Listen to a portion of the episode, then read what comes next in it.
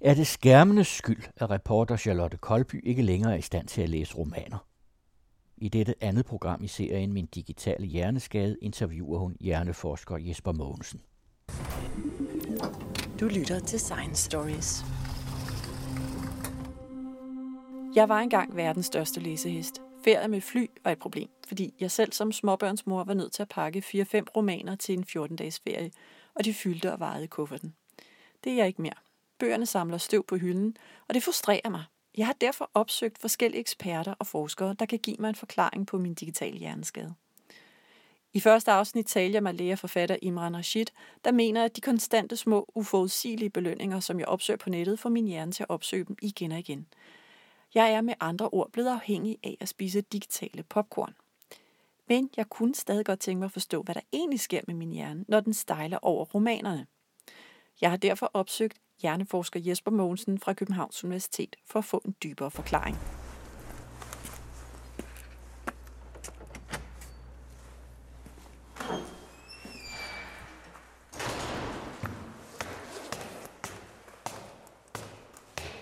Goddag. Hej.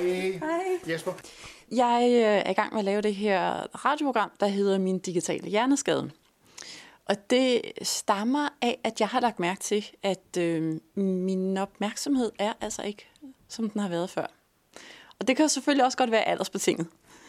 Men jeg er gået fra, at jeg nærmest havde, altså jeg, jeg har slugt romaner.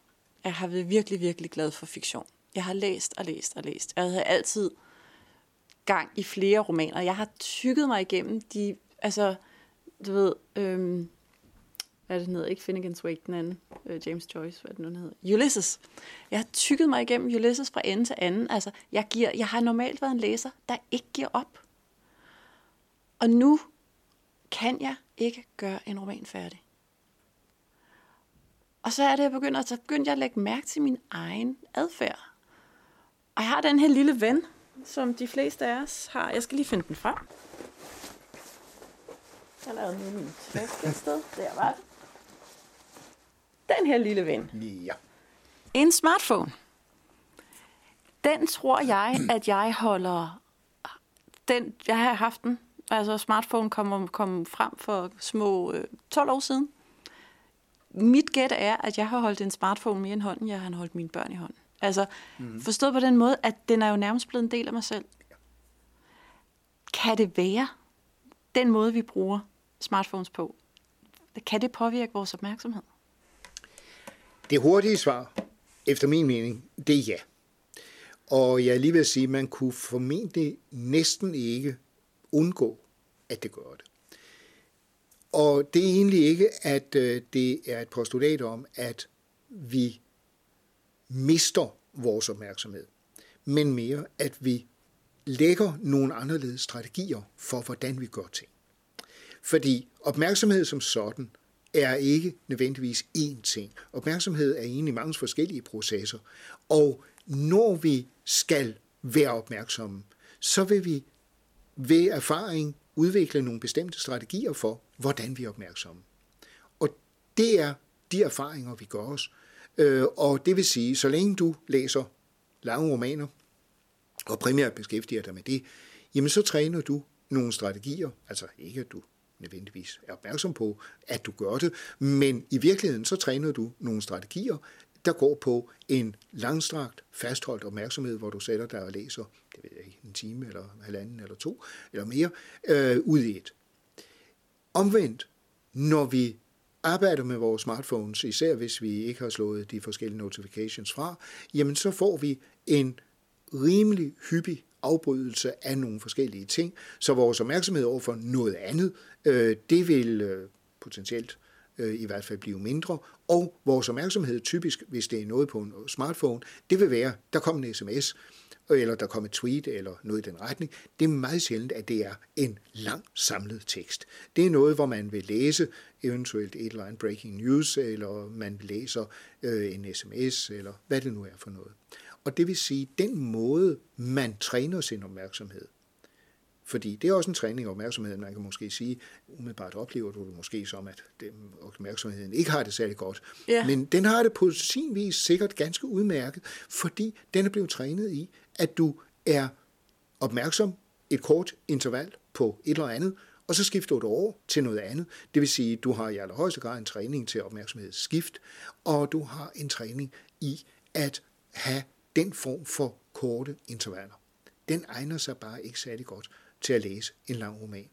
Og det vil sige, hvis du skal udvikle en gå tilbage til romanerne strategi, så skal du i virkeligheden måske lægge en meget fast træningsplan for det, hvor du øh, låser den lille ven inde et eller andet sted øh, relativt langt fra dig, øh, i hvert fald slår alle notifications fra, osv., og så sætter dig og læser, øh, hvad det nu ellers er, du læser. Hvorfor skal jeg lægge telefonen langt væk fra mig? Det vil jeg egentlig heller ikke nødvendigvis mene, du skal gøre, men det er bare ud fra, i hvert fald egne erfaringer, at jeg vil sige, jamen fordi den typisk laver sine egne indtrængende øh, måder at markere det. Det vil sige, hvis du sætter dig med en bog, og nu skal træne at læse i to timer, så vil det i hvert fald hvis din telefon bare er en slægtning til min i hvert fald, så kommer der en 5-6 sms'er og så og så mange gange breaking news og meddelelser fra en eller anden app om, at for øvrigt skal du også lige motionere, eller hvad det nu ellers er for noget, øh, man får af forskellige meddelelser. Og det vil sige, det at låse den ene et sted er måske også øh, gå lidt langt, men i hvert fald holde den på afstand. Så for at den ikke blander sig og for eksempel slå notifications fra, øh, hvad mange af os egentlig nok kunne have meget godt af. Fordi hvis vi virkelig prøver at kigge grundigt efter, hvor mange af de notifications er så vigtige, at vi virkelig her og nu behøver at være opmærksom på det. Altså, at vores kalender er i stand til at give en påmindelse om, at nu har du faktisk din næste aftale.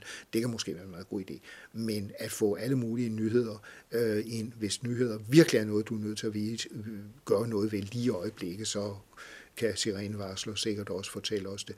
Så må vores smartphone behøver at fortælle os det. Du siger, så du ser ikke noget negativt i den måde, som, som jeg beskriver min opmærksomhed har udviklet sig til? Ja, nej, jeg ser ikke negativt på den måde, at din opmærksomhed er blevet ødelagt. Jeg vil sige, at den er blevet tilpasset til en ny situation. Og så kan det godt være, at du ikke er særlig vild med den situation. Det er jo noget andet. Men der ville mit budskab så være, efter al sandsynlighed, så kan du, hvis du skaber aktivt en anderledes situation, så vil du kunne træne din opmærksomhed til at fungere bedre på den måde, du helst vil have den. Så det vil sige, hvis du synes, at det at sidde og læse en bog i to timer, at det er det, du egentlig vil værdsætte mest, jamen så er det vigtigt, at du lægger op til, at du træner det. At du hjælper dig selv til at kunne træne det. Fordi det er klart, at hvis du lige nu får sådan en bog, øh, og skal i gang med den, jamen så er det højst sandsynligt, at du efter kort tid vil begynde at, ja, altså, at kigge dig om efter noget andet, fordi du er blevet vant til, at der er hyppige skift, at der er relativt korte tekster, man skal arbejde med.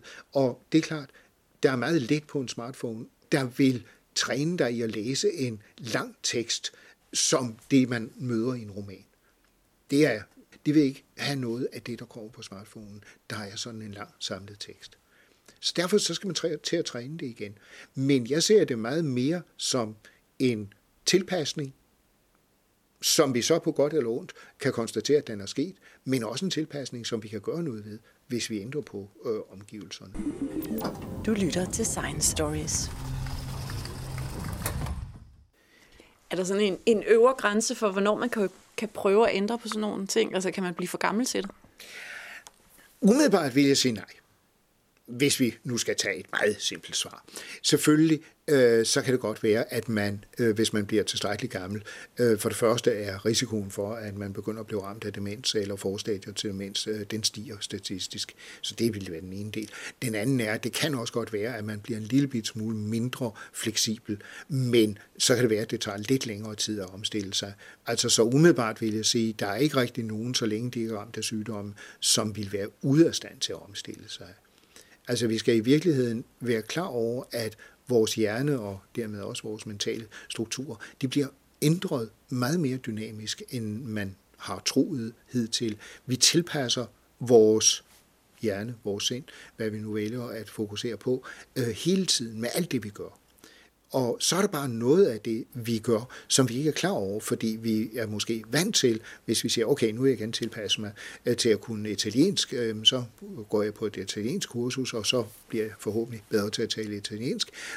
Men rigtig mange andre ting, det er ikke sådan et bevidst valg. Vi er ikke bevidste om, at vi vælger at blive trænet til noget bestemt.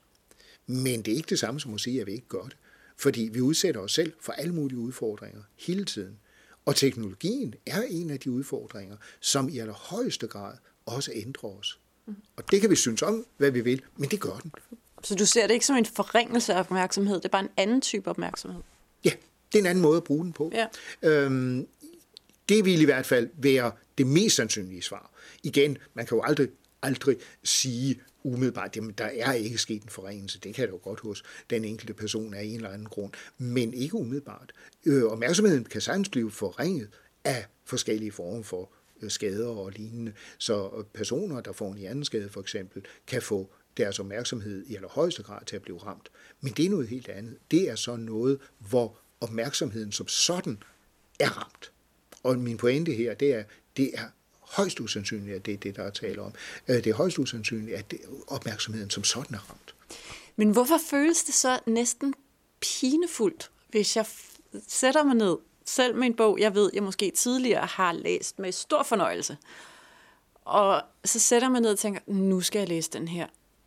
Og så efter faktisk ganske kort tid, så begynder det sådan at føles, ja, som jeg siger det, pinefuldt. Det, det er næsten ikke til at holde ud. Men det er igen fordi, du tilpasser dig.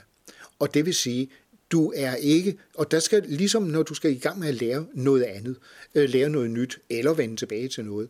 Øh, jeg ved ikke, hvor meget du motionerer, men hvis du for eksempel tidligere motionerede mere, og så i en periode ikke har motioneret så meget, øh, hvis du så siger, okay, dengang der kunne jeg da godt løbe et øh, maratonløb en gang om året, øh, fint, det vil jeg egentlig gerne gøre igen, det er godt nok fem år siden, eller ti år siden, fint, nu er jeg, nu er jeg til det. Hvis du vælger i dag at træne til et maratonløb, efter i fem år eller ti år ikke har trænet, så kan jeg garantere dig for, at så føles det også meget pinefuldt, øhm, fordi dine muskler bliver meget, meget ømme, og igen, det er en tilpasning. Men hvis du bygger op, så vil du sikkert kunne komme til at løbe et maraton igen. Og på samme måde, hvis du træner din opmærksomhed ved så måske at sige, okay, jeg nåede på 5-6 sider, jamen fint, det er da mere end de fleste sms'er i hvert fald. Øhm, og så i løbet af næste uge, der vil jeg gerne kunne nå op på syv sider eller otte sider, eller hvad det nu ellers er. Det er en træning. Og det vil så være en meget bevidst træning, og hvor man kan sige, at den træning, du har været udsat for med smartphonen, den har du nok ikke på noget tidspunkt egentlig øh, set som en bevidst træning. Men igen, vi er fleksible, og det vil sige, at vi træner også, når vi ikke kalder det træning, men når vi bare, bare i anførselstegn, tilpasser os.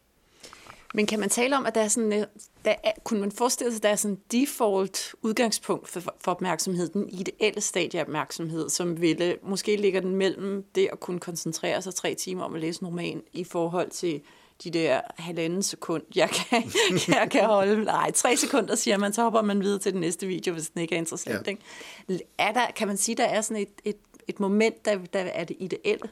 Nej. Jeg vil sige, der kan være et, et eller andet niveau, der er det ideelle for et givet individ i en given situation. Men overordnet, nej.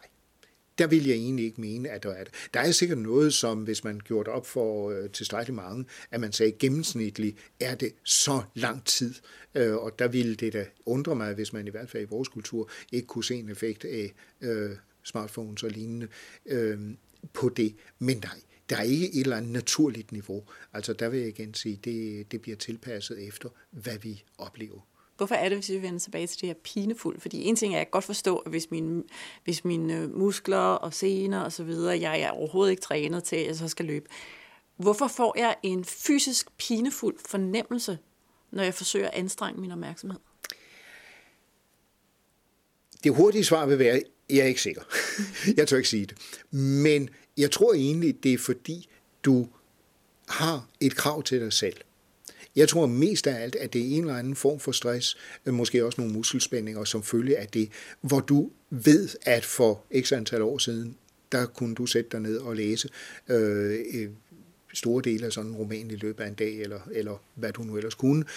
Og nu stiller du dig selv den samme opgave. Og så bliver det selvfølgelig stressfuldt, hvis du begynder at øh, føle, at din opmærksomhed den ikke kan holde til det. Øh, og det kan godt give for eksempel muskelspændinger, øh, fordi man, jamen det skal jeg da kunne, jamen jeg kunne jo dengang, hvorfor kan jeg ikke nu, hvad er der galt med mig? Øh, jeg vil gætte på, at det er den form for effekter. Øh, så egentlig noget af det smertende. Det kunne for eksempel være spændinger i hovedet. Øh, vi er rigtig, rigtig gode til, desværre, at sætte øh, muskelspændinger op i hovedet, hvis vi er under stress, og, eller reagerer på andre måder på et eller andet. Så det er den der krampagtige sådan vedholdenhed, sådan jeg vil, jeg vil, jeg vil, ja. som så forplanter sig ud ja. i, i kroppen. Ja. Og hvor man meget let måske også kan udvikle en øh, tensionshovedpine, altså en spændingshovedpine, øh, hvis man virkelig siger, at jeg skal, jeg skal, jeg skal. Og der er det måske så lidt sundere, at man siger, okay, fint, det var så meget, jeg nåede i dag. Øh, lad os lige se, om jeg ikke i morgen kan, kan nå i det mindste en halv side længere, eller et eller andet i den retning. Ja. Men jeg sad også her, inden jeg kom, kom herhen og skulle, skulle interviewe dig, så sidder jeg sidder udenfor. I princippet, så burde jeg jo netop bare kunne være til stede der, nyde det, og stadigvæk, altså så hører jeg jo nærmest nogle fantomnotifikationer vibrere i min lomme. Altså, hvordan kan man forklare det? Og så tager jeg den op, og så skærer den fuldstændig sort, og så bliver jeg jo næsten sådan lidt øv, fordi der var jo ikke nogen, der ville mig noget. Jamen, det vil jeg egentlig sige. Det, det er igen, fordi vi, vi er så vant til, at vores sociale øh, netværk, det manifesterer sig på vores øh, smartphone. Så jeg tror egentlig, at, at det igen øh, lidt er en parallel skal ikke tage for langt, men lidt en parallel til, hvis du er til et selskab, og der er overhovedet ingen eneste, der går hen og vil snakke med dig, øh, så er vi efterhånden blevet så vant til, at øh, der er hele tiden et eller andet, der gerne vil os noget på telefonen, men at der sker noget. Så igen, vi er blevet tilvendet til det. Vi blev så vant til det.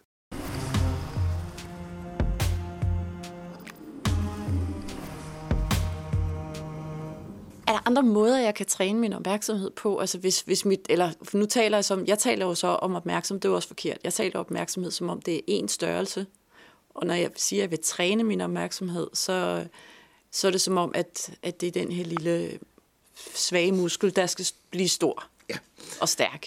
Men det jeg egentlig mener, det er, kan jeg træne, at jeg er i stand til at holde min opmærksomhed, koncentrere mig om én ting i længere tid, andet end at gøre det, jeg egentlig gerne gør? Er der andre, er der andre måder at gøre det på? Der vil jeg jo overordnet sige, at mit øh, bud er altid, gør så meget som muligt det, du gerne vil gøre, og dermed træner du det, du gerne vil gøre. Men så kan man jo godt øh, lave nogle mere systematiske øvelser på det. Altså for eksempel sige, jamen okay, hvis jeg nu ikke er opmærksom på det, jeg gerne vil være opmærksom på. Hvad er det så, der tager min opmærksomhed væk? Så måske i første omgang at træne, som jeg sagde, det var måske lidt groft over for telefonen, når den nu ligger lige ved siden af os. Lad være med at låse den inde. Men i det mindste, øh, så får den lidt væk. Øh, man kan selvfølgelig også lave træning af opmærksomhed som sådan, altså meditationsøvelser eller lignende, hvor man så øh, øver at være fokuseret på noget bestemt. Det er også en træning. Det er sådan lidt mere bevidst træning omkring øh, at være fokuseret på noget bestemt. Øh, om det så er vejrtrækningen eller hvad det er. Det er jo ikke, fordi vejrtrækningen er det, det vigtigste i den her sammenhæng. Men lære sig selv, at man kan være fokuseret på det. I det hele taget lære sig selv ikke at blive distraheret. Øve sig lidt i at sige, jamen det der spring fra det ene til det andet, for der kommer lige noget på smartphonen, der er lige et eller andet, øh, at det lægger man fra sig. Så man kan træne sig på rigtig mange måder, men det afgørende er egentlig, at vi tilpasser os, hvad vi ellers træner os i eller bliver udsat for. Der er mange forskellige øh, dele af hjernen. Det er ikke sådan, så opmærksomhed som sådan sidder et bestemt sted. Slet ikke. Øhm, men når vi så kommer til det med at styre opmærksomhed, så må man så sige, jamen det er egentlig en dynamisk proces, fordi det, der styrer opmærksomhed i sidste ende, er en blanding af vores motivation, øh, for, hvad det nu ellers er, vi skal. Øh, jeg har lige nu en baggrundsviden omkring, at vi fører en samtale, og det vil sige, det betyder, at øh, mit system, om jeg så må sige, er gearet til, jeg retter opmærksomheden mod dig, øh, og det er så det, der styrer det, i virkeligheden øh, den konfiguration af min hjerne, der repræsenterer, at vi fører sådan en, en samtale. Øh, eller opmærksomheden kan også selvfølgelig være styret af noget, der kommer her og nu udefra. Hvis der pludselig øh, kommer en eller anden voldsom lyd øh, ude fra gaden, jamen så vil jeg formentlig dreje mig væk fra dig og mikrofonen, øh, fordi det vil fange min opmærksomhed. Så det kan selvfølgelig godt være noget udefra, der styrer på den måde. Så konfigurationen af vores hjerne, øh, mange forskellige dele af hjernen, styrer det i sidste ende. Og det er så blandt andet afspejlingen af de ydre omstændigheder, der er tale om. Og så, så, så kom så gav, der noget så på din telefon. telefon ja. Og, og, Sådan. men øh, så, og vi reagerer begge to, begynder at kigge over imod det. Ja, med det samme. Øh, med, det, med det samme. Og det er klart, vi er for det første, så er det et signal, altså det vil sige, i det øjeblik, hvis der pludselig var noget, der lyste op et andet sted, så kunne det godt være, at vi i virkeligheden også drejede os der, fordi der er et stimulus, der dukker op pludseligt. Men vi er ekstra opmærksomme på noget, der kommer fra en smartphone. Altså, det er lidt ligesom, da man havde en helt lille nyfødt baby, altså man var, de bare de sagde, blup, så var man der med det samme, ja. ikke? Altså, det er, jo, det er jo sindssygt så meget, vi er... At, det, at du siger det også lidt den der, at den der sociale hungeren, altså at fordi vi er de her hypersociale aber, så, øh, så er vi bare super opmærksomme på alt, hvad der har med os selv og interaktionen med andre at gøre. Absolut. Det er vi. Vi er meget, meget vant til, øh, at vi, om jeg så må sige, skal indgå i sociale sammenhænge, og hvor det for ikke så længe siden var noget, som var person til person, så er det jo altså i mange tilfælde med elektroniske øh, mellemled. Jeg havde jeg stødt på en øh, jeg var stødt på en artikel, som øh, som beskrev, hvordan den her forsker hun mente, at det var at det for sig netop ødelagde vores evne til fordømmelse, at vi, eller fordømmelse, for fordybelse, mm. at vi i så høj grad skimmer tekster, som mm. vi jo netop gør på digitale medier. Ja. Der er jo ingen tvivl om, at vi er blevet vant til, at tekster sagtens kan være noget, som man bare lige kan tage hovedindholdet af. Øhm, altså breaking news, hvor du får en eller anden nyhedshistorie, som måske i virkeligheden øh, kræver rigtig stor fordybelse for at forstå, hvad det er. Øh, den er kogt ned på to linjer, eller to og en halv, eller noget i den retning. Og det er vi igen blevet meget trænet i. Jeg vil ikke sige, at vi nødvendigvis får ødelagt evnen som sådan, men vi får igen en strategi, der hedder, at vi klarer os med en overfladisk bearbejdning. Så jeg vil nok give vedkommende delvis ret, fordi man måske ikke bruger den evne så meget. Jeg ville være noget urolig, hvis, jeg, hvis det skulle tages som udtryk for, at vi har fået ødelagt den evne. Jeg tror absolut, at man med den rette træning vil kunne vende tilbage til en fordybelse, og hvis man virkelig bliver sat i en situation, hvor man har brug for det, ikke gradvist naturligvis kunne tilpasse sig. Så jeg kan godt se, jeg kan godt høre på dig, at du ikke, øh, du er ikke sådan ude med den store vurdering, og så at, kommer og sige, at det er skidt eller dårligt. Du ser det som, at, at det giver mening for hjernen. Det er sådan, vi gør.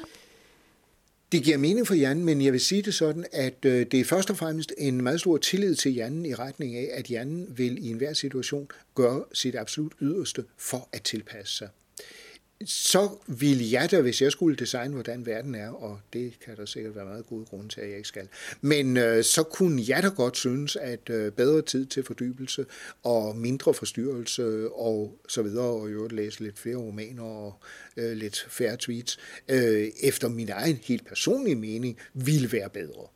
Øh, det er noget andet. Men jeg vil ikke påstå, at hjernen bliver ødelagt af det. Altså jeg vil egentlig bare sige, jamen det er en tilpasning, og vi har et organ, der heldigvis er utrolig godt til at tilpasse sig. Øhm, heldigvis, fordi det er, når vi har behov for det, at vi tilpasser os. Så jeg vil egentlig, nej, jeg er ikke fordømmende i den forstand, øhm, og, men jeg kunne da godt tænke mig, at det var anderledes. Det er noget andet. Men jeg tror også, det kan blive anderledes, hvis vi gør noget for det. Men det er ikke hjernen, der er noget galt med, om jeg så må sige. Det er mere det, som hjernen tilpasser sig, at der måske er nogle problemer med.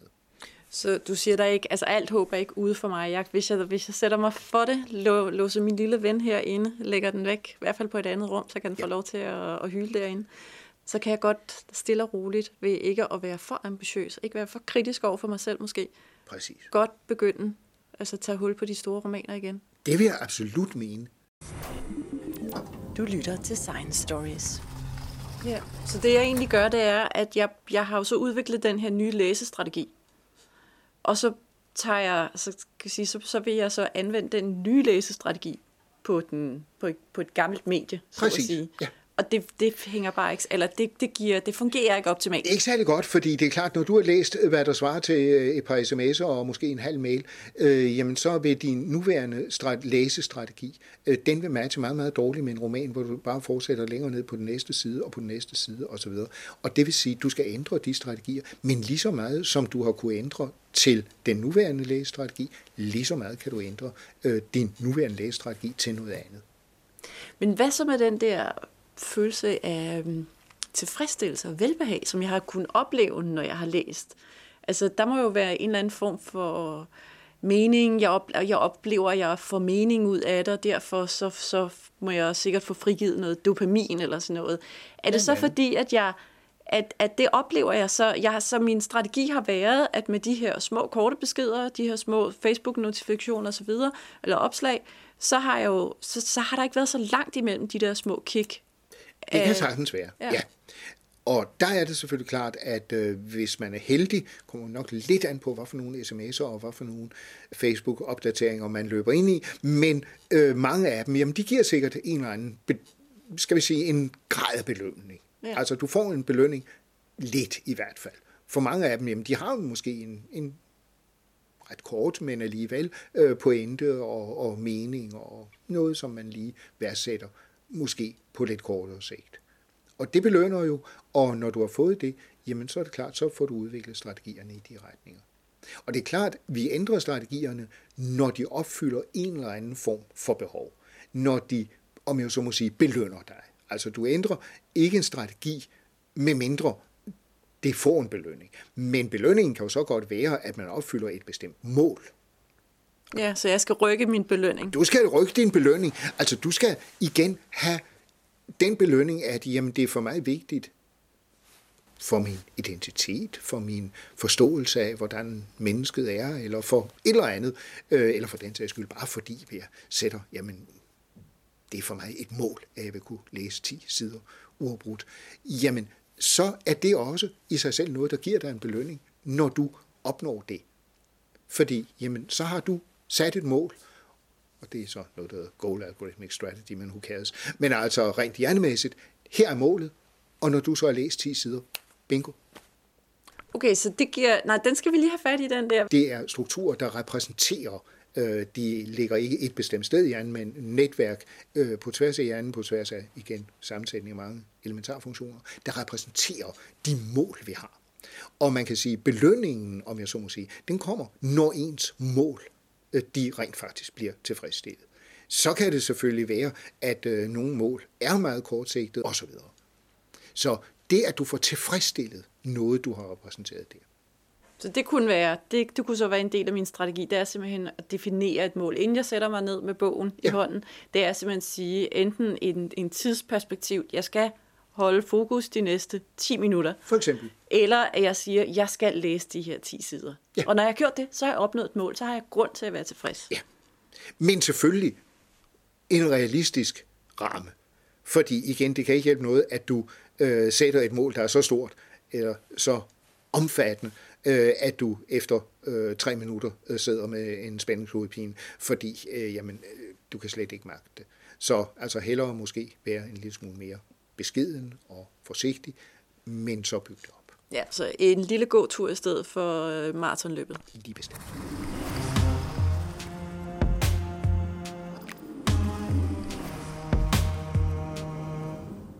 Så langt, så godt.